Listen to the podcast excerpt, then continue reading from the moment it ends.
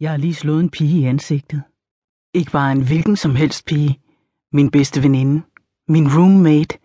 Eller de sidste fem minutter taget i betragtning, så burde jeg vist kalde hende min ex-roommate. Hendes næse begyndte at bløde næsten med det samme, og et øjeblik havde jeg dårlig samvittighed over at have slået hende. Men så huskede jeg, hvilken løgnagtig, forræderisk kælling hun er, og det gav mig lyst til at slå hende igen. Jeg ville have gjort det, hvis ikke Hunter var brudt ind og havde stillet sig mellem os. Så i stedet slog jeg ham. Det gjorde desværre ikke ondt på ham. Ikke lige så ondt, som det gjorde i min hånd. Det der med at slå nogen gør endnu mere ondt, end jeg havde forestillet mig. Ikke at jeg bruger uendelige mængder tid på at forestille mig, hvordan det vil føles at slå på folk. Selvom jeg kan mærke trangen igen, nu hvor jeg står her og kigger på sms'en fra Rich, ham har jeg også et lille regnskab at gøre op med. Jeg ved godt, at han teknisk set ikke har noget med mine nuværende kvaler at gøre, men han kunne godt have advaret mig lidt før. Derfor har jeg lyst til at slå ham. Rich, er du okay? Har du lyst til at komme op, indtil det holder op med at regne? Selvfølgelig har jeg ikke lyst til at komme op. Min knytnæve gør ondt nok allerede, og hvis jeg gik op til Rich, ville den gøre endnu mere ondt, når jeg var færdig med ham. Jeg vender mig om og ser op på hans altan. Han står lænet mod skydedøren med de store glaspaneler og kigger på mig med telefonen i hånden. Det er næsten mørkt, men lamperne fra gården oplyser hans ansigt. Hans mørke øjne festner sig ved mine, og den måde, hans mundvige bliver trukket op af, af et blødt og sørmodigt smil, gør det svært at huske, hvorfor jeg overhovedet er sur på ham. Han kører en hånd gennem håret, der falder løs ned over hans pande, og det får ham til at virke endnu mere bekymret.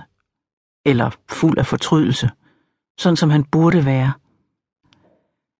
Jeg beslutter mig for ikke at svare og giver ham fingeren i stedet. Han ryster på hovedet og trækker på skuldrene, som for at sige, jeg prøvede, og så forsvinder han indenfor i sin lejlighed og lukker døren i. Jeg lægger min telefon tilbage i lommen, før den bliver våd, og ser mig omkring i gården, der hører til det lejlighedskompleks, jeg har boet i de sidste to måneder. Da vi først flyttede ind, var den hede Texas-sommer i færd med at opsluge de sidste spor af foråret, men denne gårdhave synes stadig at klynge sig til livet. Strålende blå og lilla hortensiaer omkransede de stier, der fører hen til trapperne og til springvandet i midten af gården. Nu, hvor sommeren har nået sit mest utiltalende højdepunkt, er springvandet for længst tørret ud. Hortensierne er en trist, vissen påmindelse om den spænding, jeg følte, da Tori og jeg først flyttede ind. Som gårdhaven ser ud nu, besejret af årstiden, er den en ubehagelig afspejling af, hvordan jeg føler mig. Besejret og trist. Jeg sidder på kanten af det nu tomme cementspringvand med albuerne på de to kufferter, som indeholder de fleste af min egen del, og venter på, at taxaen kommer.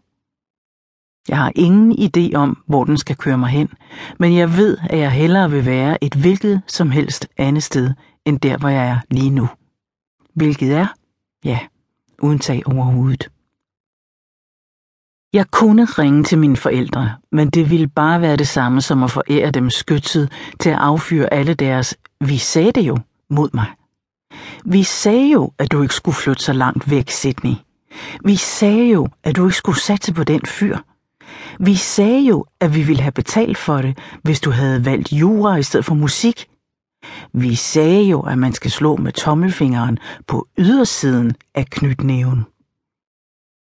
Okay, Måske lærte de mig aldrig, hvordan man skal slå, men hvis de virkelig har ret i alting, så burde de have gjort det. Jeg knytter næven, spreder mine fingre og knytter den så igen. Min hånd er overraskende øm, og jeg er sikker på, at jeg burde lægge is på den. Jeg har ondt af fyre. Det stinker det der med at slå. Gæt hvad der også stinker. At stå uden tag over hovedet Endelig kommer taxaen, og jeg rejser mig og tager fat i mine kufferter. Jeg trækker dem bag mig, mens taxachaufføren stiger ud og åbner bagagerummet. Før jeg når at række ham den første kuffert, går det op for mig, at jeg ikke engang har min håndtaske på mig. Pis.